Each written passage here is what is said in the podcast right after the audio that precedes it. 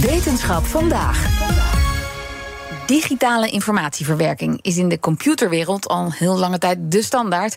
Maar in een poging om berekeningen sneller en duurzamer te maken, gaan onderzoekers nu juist weer voor analoog. Ja, dat klinkt heel tegenstrijdig. We gaan het daarover hebben met wetenschapsredacteur Carlijn Meinders. Hey Carlijn. Hoi. Ja, dat moet je even uitleggen. Terug naar analoog. Ja, dat klinkt misschien een beetje gek, uh, maar neem bijvoorbeeld beeldverwerking. Dat beeld zelf is analoog.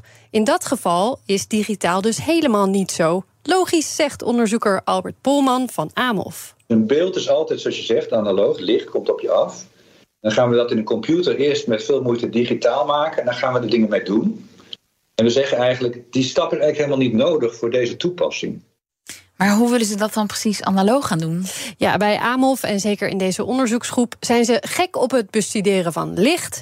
Nou weten we al behoorlijk veel over hoe licht precies werkt, maar op hele kleine schaal is dat een ander verhaal. Op een schaal van een nanometer, dat is een miljardste meter, doet licht dingen heel anders dan we normaal gewend zijn. Ja, en met dat licht dat zich bijzonder gedraagt op die kleine schaal, proberen ze allemaal nieuwe technieken te ontwikkelen, waaronder eentje die voor beeldverwerking gebruikt kan worden. Ja, we hebben hier licht gebruikt om eigenlijk iets heel ongewoons te doen, om namelijk een wiskundige vergelijking op te lossen. En dan zou je denken, dat is wonderlijk, want wat heeft de wiskunde te maken met de natuurkunde van het licht? Maar Ehm, als je informatie kan uh, coderen in de vorm van licht, dus dat lichtpulsen als het ware de bits zijn die je normaal als informatie gebruikt, en je weet hoe je dat licht op een hele kleine schaal heel bijzonder kan manipuleren, dan, zo hebben we laten zien, kan je het ook gebruiken om zo'n wiskundige vergelijking op te lossen. Dus dat is, klinkt als een soort rekenen met licht. Ja, dat is het eigenlijk ook. Daar gebruiken ze heel bijzonder materiaal voor wel om dit voor elkaar te krijgen. Maar gaan we even terug naar die beeldverwerking. Je kunt dan bijvoorbeeld denken aan een zelfrijdende auto. Die moet objecten in beeld herkennen. Die beelden komen binnen via camera's. Dan gaat het naar een computer. Die doet een berekening. En die rekent dan bijvoorbeeld voor beeldherkenning uit waar de randen zitten. De randen van een beeld, de randen van een gezicht zijn heel belangrijk om een herkenning te doen. Dat zijn heel veel stappen, die zijn heel complex. En wat dat materiaal, dat metamateriaal wat wij hebben ontdekt nou doet, is je projecteert dat beeld op dat materiaal en dan komt er aan de achterkant uit een plaatje wat die randen van het beeld laat zien. Nou, die randen, het maken van die randen is een wiskundige proces, wat normaal in de computer gebeurt. En dat doen we nu met licht. Oké, dat klinkt logisch als ik heel hard nadenk. Maar wat is precies het voordeel van die methode? Ja, er zitten eigenlijk meerdere voordelen aan vast, vertelt Bolman. Om te beginnen gebruiken die computers eh, ontzettend veel energie. En wij gebruiken in onze technologie steeds meer beeldherkenningstechnieken en processen. En het is een enorme uitdaging. We zijn bezig met de energietransitie om onze maatschappij op duurzame manier van energie te voorzien. En tegelijkertijd wordt onze technologie steeds complexer en gebruikt steeds meer energie. Dus naarmate we meer berekeningen en meer processing met licht kunnen doen, gebruiken we minder energie. Daarnaast gaat het ontzettend veel sneller, namelijk met de snelheid van het licht. Heel simpel eigenlijk. Dat licht, dat beeld, dat, uh, dat schijnt door ons materiaal heen. En het is natuurlijk in no time aan de andere kant. En dan is de berekening gedaan. Nou, alsof het niets is, zo klinkt het. Hoe snel is zo'n berekening dan precies? Ja, dat is bijna niet te bevatten. Een miljoenste van een miljardste seconde. zo snel kun je niet met je ogen knipperen, zeg maar. uh, aanzienlijk sneller dan de gewone uh, kloksnelheid van een gewone computerprocessor, zei Polman. Maar ze hebben hier dus nieuwe materialen voor moeten maken, toch? Ja. En wat is dat dan precies voor materiaal? Het is een chip wat eigenlijk een heel simpel glasplaatje is. Maar daarop ligt een structuur die natuurlijk helemaal niet simpel is.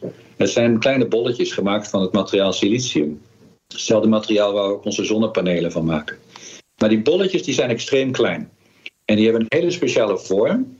Die vorm zorgt ervoor dat als het licht erop komt, dat het op een hele speciale manier wordt eh, heen en weer gekaatst, zodat die lichtsignalen dan eens die bewerking uitvoeren.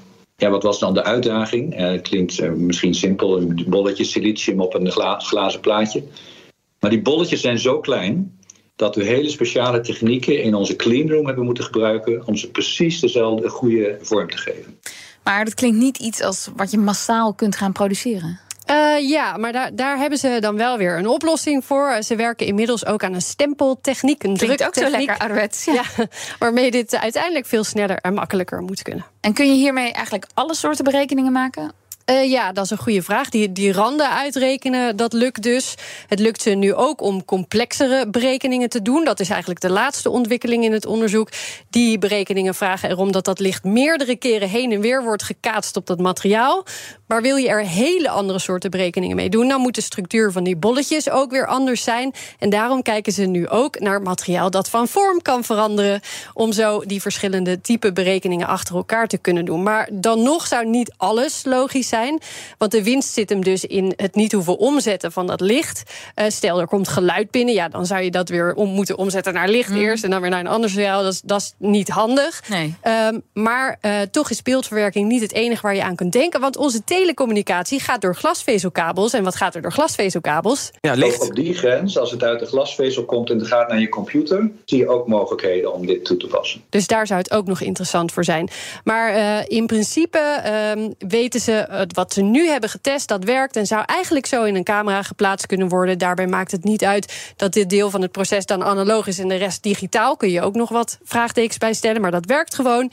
Ik vind dit echt allemaal mind-blowing dat mensen dit kunnen. Polman zelf wordt er gelukkig ook nog steeds blij van. Super interessant. Ja, dit is echt de hardcore, wat wij noemen nanofotonica. De nanoschaal, extreem kleine schaal. Kijken hoe je het licht kan vasthouden, stilzetten, opvouwen. Super fascinerend. Ja, gelukkig bestaan er mensen die hier en heel enthousiast van worden... en die het ook nog eens heel goed aan ons kunnen uitleggen. Dankjewel, Carlijn Meinders. Ook Hugo Reitsma vind je in de BNR-app. Superhandig die BNR-app. Je kunt alle programma's live luisteren, breaking nieuwsmeldingen. Je blijft op de hoogte van het laatste zakelijke nieuws. En je vindt er alle BNR-podcasts, waaronder natuurlijk de belangrijkste, Boeken zijn in de wijk. Download nu de gratis BNR-app en blijf scherp.